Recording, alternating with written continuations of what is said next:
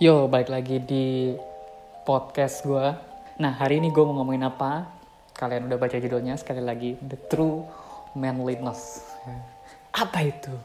The True Manliness. Ya, kalau misalkan gue buka poll, apa sih uh, sifat uh, sejati dari sebuah manliness itu apa? Ya. Banyak yang bilang ya, banyak yang uh, bilang kalau harus kuat ya harus kuat. Secara fisik itu dia baru bisa mencapai the true manliness katanya. Secara fisik uh, kuat. Terus ada yang bilang the true manliness itu kalau lu uh, memberikan atau mendedikasikan hidup lu terhadap cinta ini kayaknya orang-orang yang sebenarnya gue sempat buka poll uh, sebelumnya mengenai hal ini. Nggak umum sih cuman ke temen-temen deket aja. Dan beberapa orang yang gue temui gitu apa sih arti dari the true manliness gitu ya, ya itu tadi jawabannya. Kuat secara fisik ada yang bilang bucin kalau lo menyayangi pasangan lo dengan segenap hati itulah the true manliness jawab bla bla bla bla bla bla bla bla bla. Bla tapi menurut gue jawaban mereka tuh rata-rata salah. Ada yang benar tapi rata-rata salah. Di sini gue um, mungkin pertanyaannya sedikit ambigu ya dan pertanyaannya sedikit out of, out of the blue gitu di mana gue datang langsung nanya eh menurut kalian apa sih the true manliness? gitu. Sangat out of the blue dan sangat uh, ambigu ya. Jadi uh, mungkin mereka juga bingung jawabnya bisa gue maklumi itu. Tapi kenapa gue tanya seperti itu? Karena gue baru mendapat arti sebenarnya dari the true manliness ya. Lagi-lagi kita cerita dulu. Uh, sebelumnya gue ini banyak uh, kalau kalian pernah ngeliat meme gitu ya yang uh, apa sih meme-meme yang yang omai wamo shinderu gitu terus tiba-tiba kepalanya meledak dan lain-lain. Itu gue penasaran. Gue penasaran. Gue nggak mau mengenal sesuatu pop culture hanya dari meme itu gue nggak mau. Takutnya dibilang sotoy dan lain-lain. Jadi gue coba untuk mencari animenya langsung. Ternyata animenya itu 152 episode kalau nggak salah. Uh, Hokuto no Ken atau kalau kalian nonton pakai bahasa Inggris Fist of North Star. Ya. Sebenarnya ini anime lama tahun 83 dan ceritanya cukup simpel ya. Kalian tidak di diber, dibebankan dengan cerita alur-alur cerita yang berat kayak sekarang.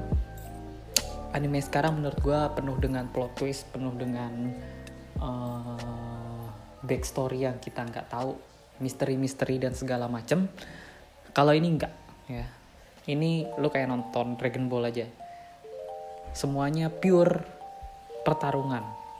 Pure gelut-gelutan. Setiap episode bergelut bergelut bergelut bergelut bergelut bergelut dan bergelut. Nggak ada hal yang lain selain bergelut. Ya. itulah seorang Kenshiro. Ya.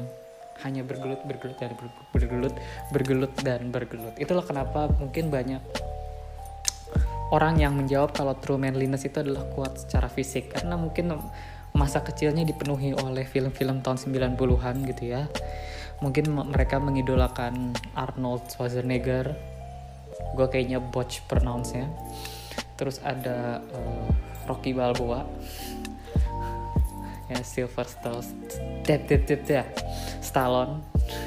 Gue kayaknya kayaknya nama-nama artis tahun 90 itu susah gue nyebut ya.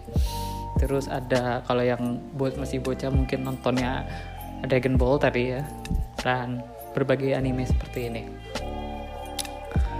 Uh, mungkin kalau juga yang terlalu sendu kebanyakan nonton Dilan bilangnya true manliness itu adalah ya bucin kayak Dilan. Tapi sebenarnya enggak. Uh, Fist of North Star itu tadinya gue juga berpikir seperti itu. Sumpah lo kalau bernonton animenya ini tuh openingnya aja udah testosteron booster gitu loh. Rasanya lo tuh mau ngeheadbang dan rasanya tuh lo mau noncokin orang langsung itu yang gue rasakan saat nonton anime-anime atau film seperti ini ya. Film-film yang karakternya OP gitu. Kayak lu misalkan nonton film-film Bruce Lee gitu ya. Itu rasanya abis nonton tuh pengen wah pengen pengen mukul sesuatu pengen nendang sesuatu dan lain-lain. Sekarang balik ke True Manliness ya. Ada beberapa uh, poin yang gue dapat tentang True Manliness ini setelah gue menyelesaikan puluhan episode dari anime ini. Yang pertama itu passion. Menurut gue seseorang bisa dikatakan manly manly kalau hidupnya punya passion. Punya cita-cita punya tujuan. Ya. kalau misalkan seseorang ya nggak punya cita-cita entah kenapa kurang menarik gitu hidupnya senseless ya. kayak kesehariannya itu tidak menuju kepada sesuatu ngambang ya.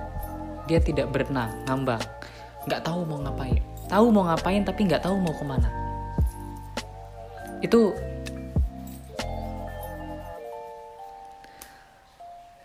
gak jelas.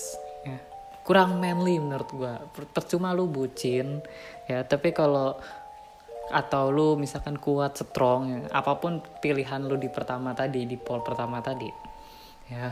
Entah itu strong gitu ya. Tapi nggak ada tujuannya buat apa. Nah, ya gak sih? Kurang greget gitu. Iya gak sih kalau ini anggaplah kalian kayak nonton tinju atau nonton UFC atau nonton apa pun lah ya. Da, uh, pokoknya yang bertajuk combat sport gitu ya. Sekarang pertanyaannya begini. Pernah nggak sih kalian ngelihat uh, seorang fighter fighter yang udah melalang buana gitu. Udah nggak jelas. Ya. itu entah kenapa drawingnya itu udah udah B aja gitu. Udah nggak udah nggak menarik. Kita sudah nggak apa ya udah ya gitu deh. Kalian per, pasti merasakan suatu kegeregetan yang hilang. Kalau gue sih gitu. Ada sebuah kege, kegeregetan yang hilang. Dulu ya waktu perjalanan seorang uh, ini kita ngomongin yang baru aja ya. Kalau gue ngomongin yang lama-lama takutnya pada nggak kenal. Yang baru dan sensasional. Seorang Conor McGregor. Conor McGregor.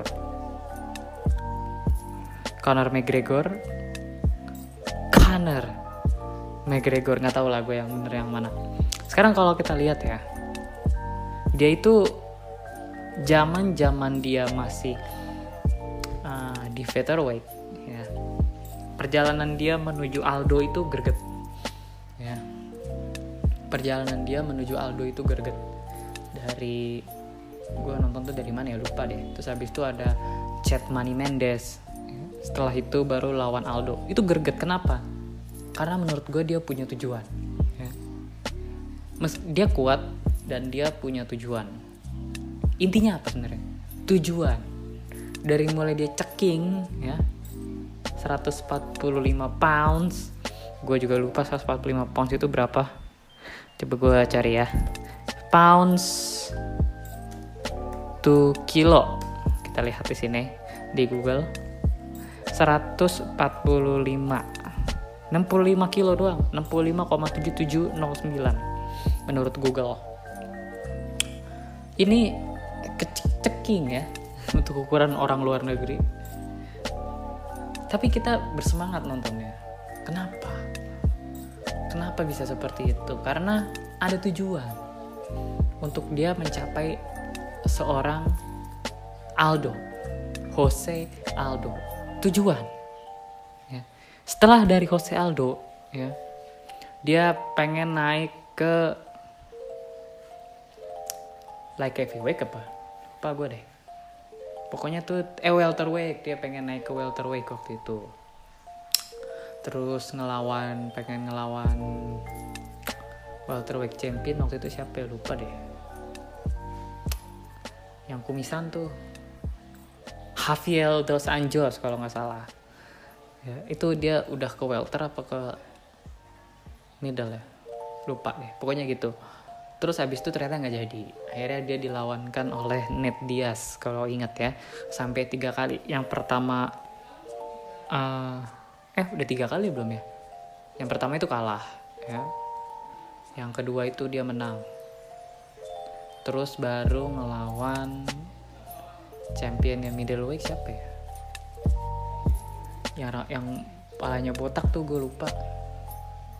Non, nonton gue tapi lupa yang palanya botak itulah pokoknya. Pokoknya palanya botak deh. Gue lupa. Dia udah udah cukup pemain lama juga sih. Dan mungkin banyak yang kenal tapi gue lupa namanya. Karena gue emang orangnya suka lupa nama orang. Kalau muka sih pasti ingat. Oke lawan sebut saja lawan si botak gitu ya. Nah sampai lawan si botak nah, dia dapat double champion gitu kan. Ini gue ingetin kalau salah ya. Soalnya weight di UFC itu banyak gue nggak apa dari mulai heavyweight like heavyweight welterweight middleweight featherweight bantamweight uh, atomweight dan lain-lain itu banyak. Jadi dan dan satu champion itu jarang banget bertarung ya. Beda kalau misalkan lo nonton apa gitu ya. Setiap bulan setiap berapa bulan sekali itu championnya pasti gelut. Kalau di sini kayak jarang. Kayak lu baru gelut lagi tuh mungkin 6-7 bulan kemudian 5 bulan kemudian. Ya orang lupa lah dengan kelas yang sebanyak itu. Oke lanjut. Kenapa kalian masih kenapa gua masih tertarik menonton McGregor waktu dia pengen double champion. Karena ada tujuan. Ada tujuan. Tujuan dia untuk mendapatkan double champion. Kita bisa merasakan passionnya.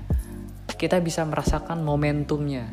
Kita bisa merasakan aura apa ya perjuangan lah gitu aura perjuangannya dia kita bisa merasakan cuy momentum yang tidak terhentikan passionnya untuk dunia pergelutan itu memang sangat hebat. Kita bisa merasakan itu. Ya, tapi di titik setelah itu entah entah mengapa pertarungannya boring. Pertarungannya boring. Lawan Khabib boring. Lawan Dustin Poirier boring lompat ke boxing lawan Money Mayweather. Boring. Kenapa? Coba. Pertanyaannya kenapa? Di situ gue bertanya. Pertanyaannya kenapa? Jawabannya satu. Karena dia sudah tidak punya tujuan. Semua pertandingan-pertandingan setelah itu, ya, itu cuman ingin apa ya memaksakan egonya ya. Mungkin dia terlalu berat berat kepala apa besar kepala dan lain-lain. Itu semua hanya untuk uh, membesarkan egonya memenuhi egonya. Gimmick penuh dengan gimmick. Penuh dengan gimmick. Saat press conference ya. Lihat aja press conference McGregor lawan Mayweather itu ke mana-mana dan penuh dengan gimmick. Gue malah lebih suka nonton press conference-nya daripada pertarungannya. Karena gue seneng ngeliat dia ngerosting satu sama lain gitu ya. Tapi kita udah nggak berada di belakangnya lagi. Kenapa karena udah nggak ada passionnya cuy. Meskipun badan dia lebih besar eh, dari sebelumnya secara fisik lebih besar dan lebih kuat pastinya. Kalau McGregor lama disuruh berantem sama McGregor baru, secara teknik nggak tahu tapi kalau misalkan semuanya jotos-jotosan menurut gue yang baru lebih menang. Ya.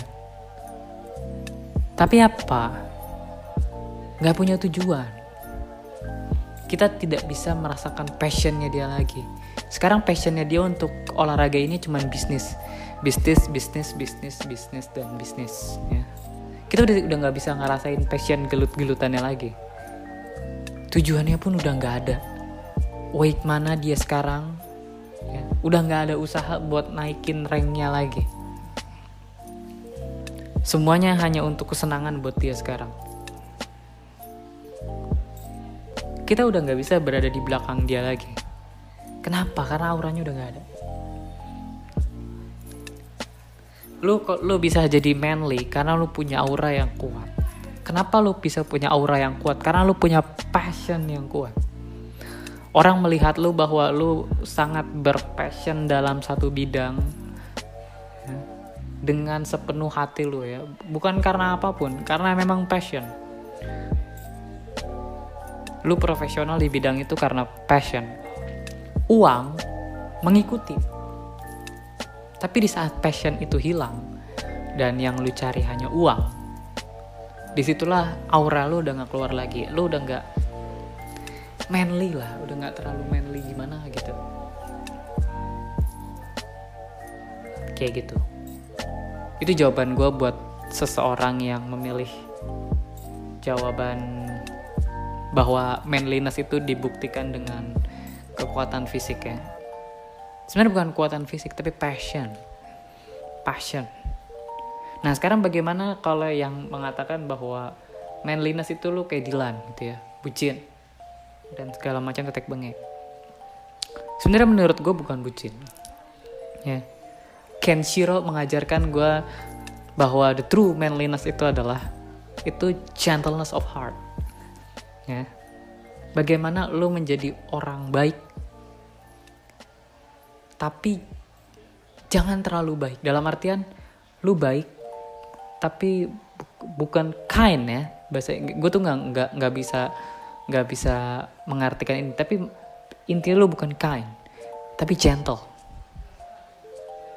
Lu bukan kind tapi gentle. Jangan jadi orang baik yang terlalu naif lu harus berada di titik di mana lu baik yang dikatakan naif enggak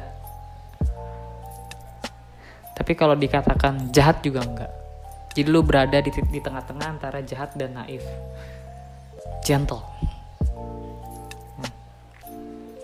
Kalau lu bucin gitu ya.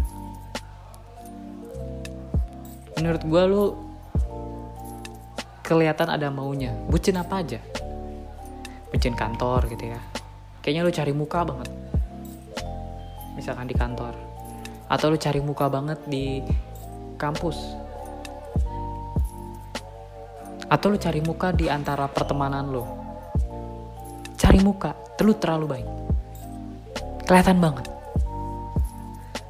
dengan niatnya atau lu naif sekali ya lu baik yang bisa dimanfaatin oleh orang-orang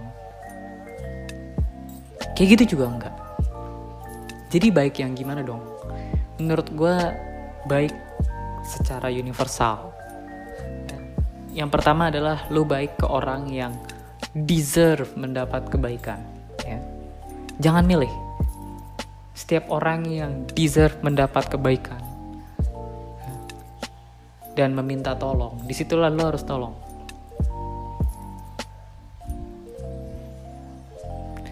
Tapi bukan berarti lu terlalu naif di mana lu membantu orang yang salah. Enggak. Enggak. Lo di sini membantu orang dalam catatan bahwa dia deserve. Dia deserve it. Dia pantas untuk mendapatkan kebaikan lo ya. Dia pantas untuk diperlakukan baik. Dan dia pantas untuk dibantu ditolong. Gimana? Kenapa? Ya karena dia juga berkelakuan baik.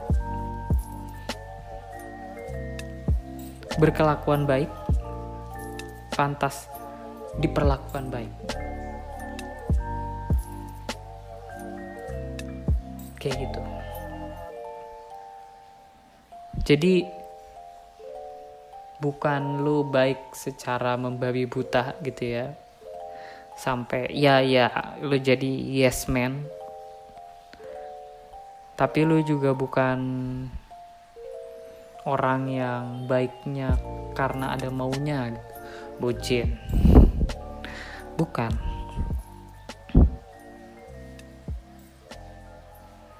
Jadi kebaikan itu perlu.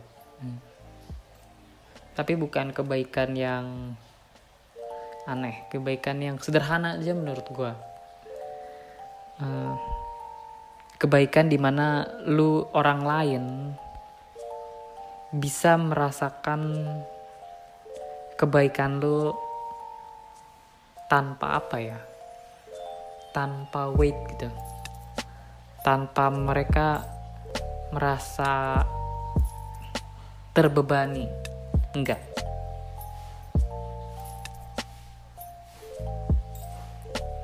Jadi sekali lagi, apa itu true manliness? Ya. Yang pertama, untuk mencapai true manliness itu harus punya passion. Tadi gue udah sebutin. Passion itu membuat aura manliness lu keluar. Kalau lu ngelakuin sesuatu secara ngambang lo melakukan keseharian tanpa adanya tujuan cita-cita.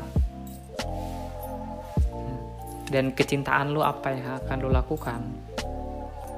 Jatuhnya auranya nggak keluar. Aura-aura manliness lo nggak keluar. Itu yang pertama yang kedua tadi udah gue sebutin adalah lo gentle.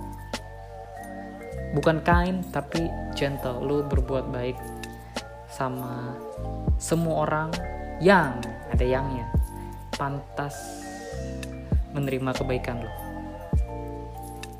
gitu aja. Sampai di sini uh, episode singkat minggu ini atas uh, inspirasi dari seorang Kenshiro. Sampai ketemu minggu depan. Bye